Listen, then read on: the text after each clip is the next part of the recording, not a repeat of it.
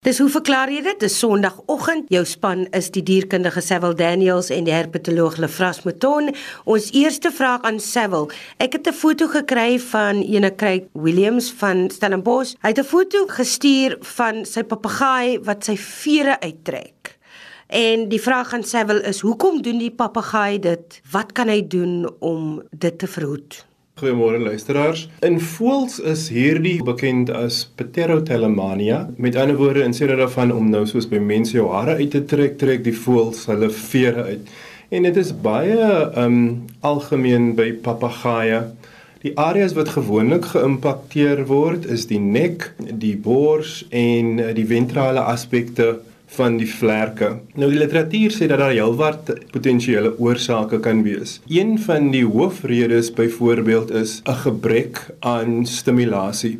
Papegaaie is in die algemeen redelike intelligente voëls. So wanneer hulle nie genoeg, ek gaan nou sê intellektuele stimulasie het nie, speel goed of in 'n hok is wat groot genoeg is nie, dan gaan daar 'n geneigtheid wees vir die diere om hulle vere te begin uittrek. Dit kan ook bloot wees as gevolg van um stres in die omgewing waar die dier is, maar die literatuur sê ook dat wanneer daar net een dier is, is daar in die algemeen 'n groter geneigtheid vir die diere om hulle vere uit te trek. Met ander woorde, as jy twee van hierdie papegaaie sou het of miskien 3, hulle in 'n redelike groot area aan 'n groot hok met genoegsame speelgoed, genoeg intellektuele stimulasie vir die diere sou gee, sou daar 'n kleiner geneigtheid wees vir die diere om hulle vere uit te trek. Dit kan ook wees potensieel dat die dier ehm um, ektoparasiete het en dat dit natuurlik die dier se vel nou irriteer,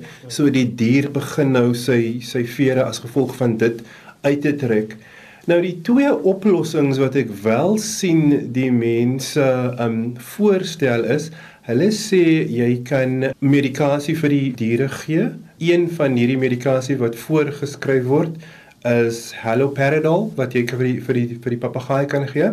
Maar hulle sê jy kan ook die um geïmpakteerde areas net met 'n redelike bitter oplossing probeer sprei en dit sal dan nou ook um help dat dit die uittrek van die vere verminder maar dit is nou soos hulle vras nou voorheen tereg gesê het wanneer um die dier nou eers begin het gaan hy nie sommer stop behalwe as daar nou enige iets daadwerklik in die onmiddellike sosiale omgewing verander nie.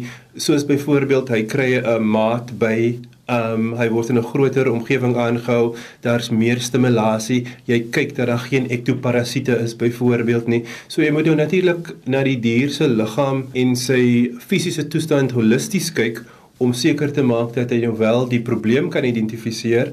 Ehm um, en wanneer jy klaar die probleem identifiseer het, kan jy dan hopelik 'n oplossing kry om die dier dan nou te beperk of te laat uh, stop om met hierdie ehm um, spesifieke gedrag Sewel, ek dink is nie net papegaaie nie, uh, baie diere, veral ook soogdiere wat uh nou nie soos papegaaie geteel is uh vir aanhoudingsskap nie, maar in, van die wild af ingebring word en aangehou word dat dat hulle hierdie eienaardige gedragspatrone ontwikkel maar eintlik maar op dieselfde neerkom dat hulle ongelukkig is.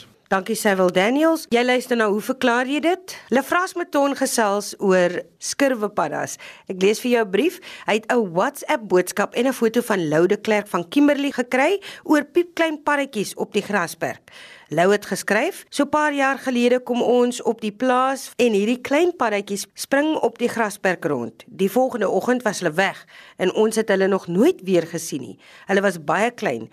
En dan sê hy die foto wat hy gestuur het, die handjie by die foto is 'n 5-jarige se handjie net om te demonstreer hoe klein die paddetjies nou eintlik is. Kan jy dit verklaar asseblief? En ons gaan probeer. Lefras? Dankie Heidi. Lou, die paddetjies op die foto is baie jong individue van die gorrel skurwe padde, Catarrhal toad met die latynse naam Meteophrynus guturalis. Nou daar is so 38 spesies in hierdie genus wat dan hulle almal saam staan as die gewone skurwe paddas bekend. En nou van hierdie 38 spesies van skurwe paddas kom daar 8 in uh suidelike Afrika voor. Nou hulle is almal landpaddas. Nee, hulle woon nie in water en hulle bly op land. En en weg van van water af. En uh mens kan sien dat hulle landpaddas is want hulle het nie webbe tussen die tone nie en hulle het ook 'n droë vratagtige vel. Die agterbene is relatief kort en ja, dit is eintlik komieklik om te sien hoe hulle beweeg, hulle loop of hulle gee sulke kort sprongetjies. Hulle hop so oor die grond. Hulle kan glad nie daai lang spronge gee van baie van die uh, ander paddas nie. As gevolg van hulle hierdie gebrek aan mobiliteit is hulle natuurlik baie kwesbaar vir vir uh, predatore op land. Maar om op te maak vir hierdie gebrek aan mobiliteit het hulle uh hierdie parotes kliere is so agter die oog en hierdie kliere skei uh dan 'n toksiese vloeistof af uh wanneer die hierdie paddas gemolesteer word. Ek dink die meeste luisteraars sou al of baie luisteraars sou al gesien het hoe 'n hond se mond begin skuim as hy met so 'n skurwe padda sukkel. En, en baie van die predatore het as gevolg van hierdie uh, toksiese stof of irriterende stof het al geleer om hierdie paddas as hulle omvang of wil vang dit van die ventrale kant van die van die padda te doen en dan ook die padda van die ventrale kant af te eet.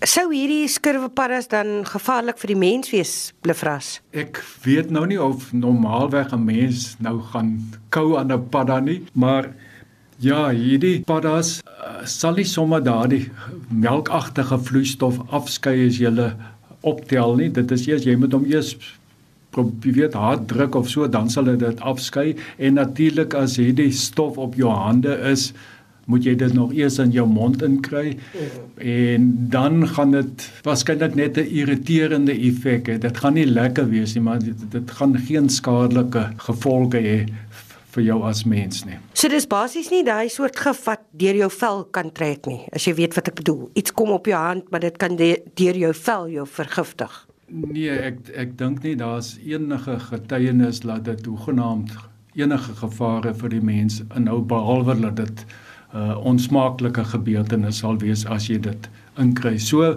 wanneer mense hierdie skurwe paddas of kinders skurwe paddas hanteer dit moet hulle net hulle hande goed was. Nou hierdie paddas broei mos nou maar in die somer reënval gebiede uh, hierso vanaf September tot Januarie en uh, die mannetjies sal sommer 'n redelike lang tyd voor die wyfies sal hulle by permanente of semi-permanente waterbronne vergader en eh, vir verskeie weke sal hulle dan nou uh vir die aankoms van die wyfies wag en in die aande sal hierdie paddas 'n groot lawaai opskop om dan nou die wyfies na die waterbron te lok. Nou ek het so 'n opname gemaak. Dit is soos hoe hierdie paddas klink. Guttural toad, Ametophrynus gutturalis.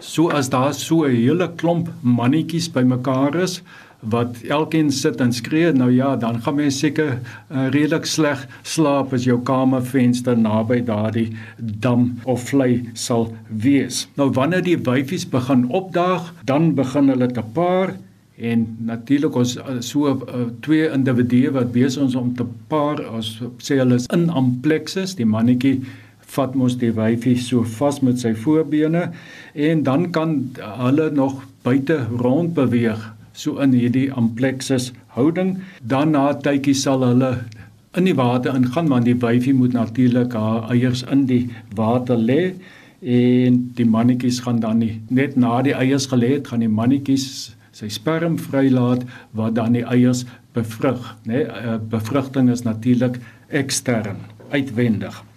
Nou enkel mannetjies Daar's maar baie van hulle wat nou nie gelukkig was om 'n mannetjie te kry nie. Hulle is konstant besig om die pare in amplexus te ontvrug uh of te probeer die ander mannetjie verplaas sodat hy ieder met die wyfie uh kan paar. Nou ek dink die luisteraars sal skrik as hulle die getalle hoor.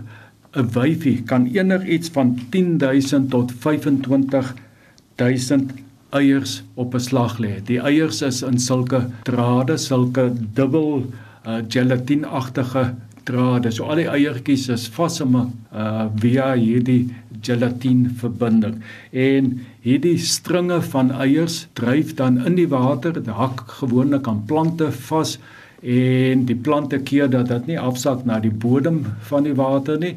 Uh, daar bo in die lug kry die eiers natuurlik genoegsame suurstof. Ja, die luisteraars sal seker dadelik vra maar hoekom is dit nodig om so baie eiers te produseer? Ons moet onthou dat daar in hierdie permanente of semi-permanente waterbronne is daar gewoonlik baie predatore wat juis eiers vreet en ons dink aan visse, waterskilpaaie en naaldekoker larwes. Ja, so die paddas moet klomp eiers produseer sodat daar dan 'n klompie uh kan oorbly wat dan nou volwasse kan raak. Uh, gelukkig vir Lou het al daardie uh 25000 nie uh oorleef nie want anders sou sy sy grasperk maar uh, redelik dit sou moeilik gewees het om oor die grasperk te loop. Om die impak van predasie op die eiers, die effek daarvan nog verder te verminder, broei hierdie eiers relatief vinnig uit. In die geval van die die gorrelskurwepadde, so na 2 tot 3 dae uh broei die eiertjies uit en dan het ons nou klein paddavissies. Nou uh, uiteindelik gaan die paddavissies so omtrent 25 mm lank word en hulle is bodemlewend. Natuurlik paddavissies het 'n baie groter kans op oorlewing as wat eiers het want die paddavissies kan ten minste rond beweeg en vlug en hulle is ook kripties gekleer daar op die bodem. Hulle is nie so sigbaar as wat die die eiers uh, is nie. Nou die belangrike rol van van uh die paddavis stadium in die ontwikkeling is dit is nogals vir my altyd so interessante storie. In steede van sê nou was nou nie 'n paddavis tussen stadium nie, dan moes die wyfie uh genoeg dooier in die eiers ingesit het sodat die hele ontwikkeling van eier tot die paddaatjie dit laat kan laat gebeur.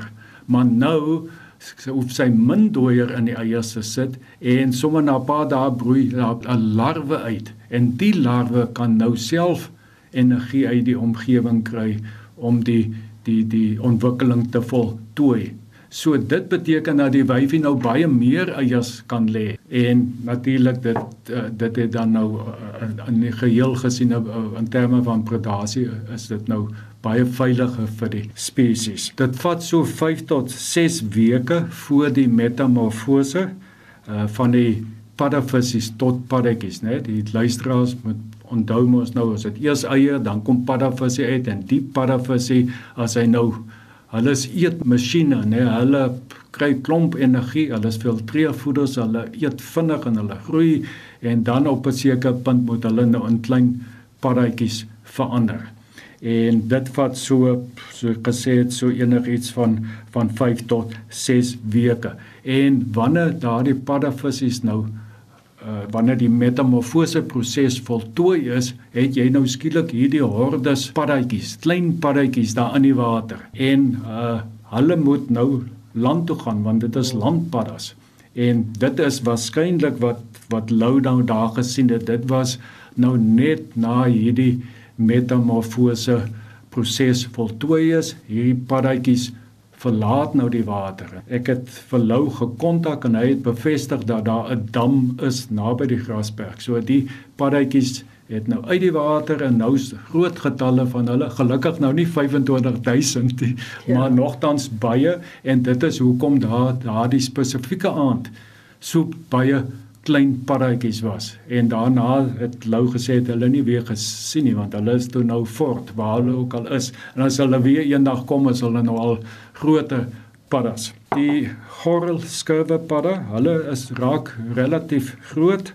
Uh tot 120 mm lank, 12 cm. Dit is groot. En ja, op 'n lekker somers aan dan sien mense hulle baie buite rondspring buite die huis want daar's mos nog baie insekte ook aktief op wanneer dit 'n uh, lekker somers aand is en hulle gaan baie keer in die huise in om ook daarna insekte te soek. Nou ons het al oor die jare baie baie geselsies gehad oor skurwepaddas. Uh hierdie skurwepaddas wat nou in die huis inkom, dan vat hulle die skurwepadda en hulle ry met hom honderde meter 500 meter of waar ook al weg en dan die volgende aand is die skurwepadda weer terug. Hulle hulle kom terug en okay mense sal nou sê maar as dit dieselfde skurwepadda, ja. daar's baie keer getuienis dat dit is presies dieselfde een. So hulle het hulle gebied wat hulle van van hou 'n boer het een keer was daar 'n skurwepadda wat in die kombuis by die meelsak gewees het. Hy was vol droë meel.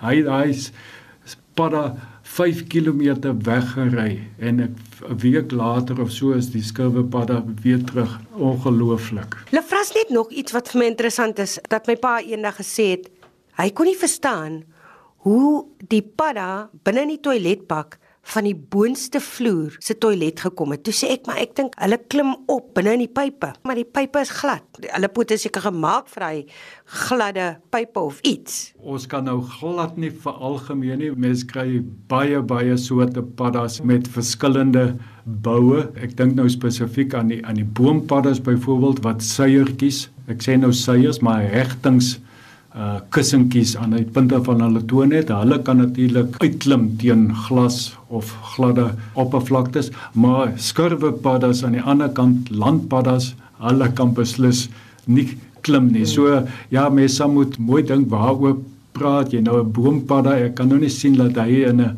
in 'n pyp gaan beland nie, maar dit kan tog nie deur 'n dun pypie in die in die toilet se bak ingaan nie. So ja, jy sê eers moet weet wat se padda dit is. Mm. Baie dankie aan Lefras Mouton en ook dankie aan Seville Daniels vir vandag se program wat opgeneem is by telematiese dienste aan die Universiteit van Stellenbosch. Ons gesels aanstaande Sondag verder. Geniet jou middag.